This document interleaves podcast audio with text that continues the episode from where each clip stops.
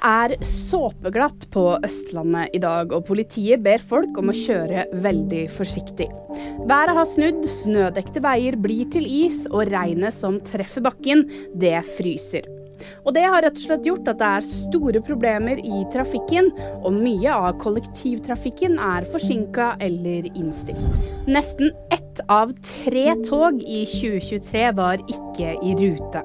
Dette er det tiende året på rad at VG går gjennom listene over togtrøbbel, og dette er det verste resultatet på ti år.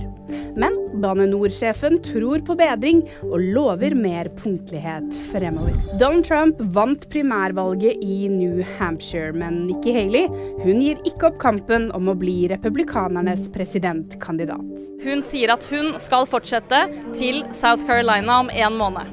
Vil du vite mer? Nyheter finner du alltid på VG.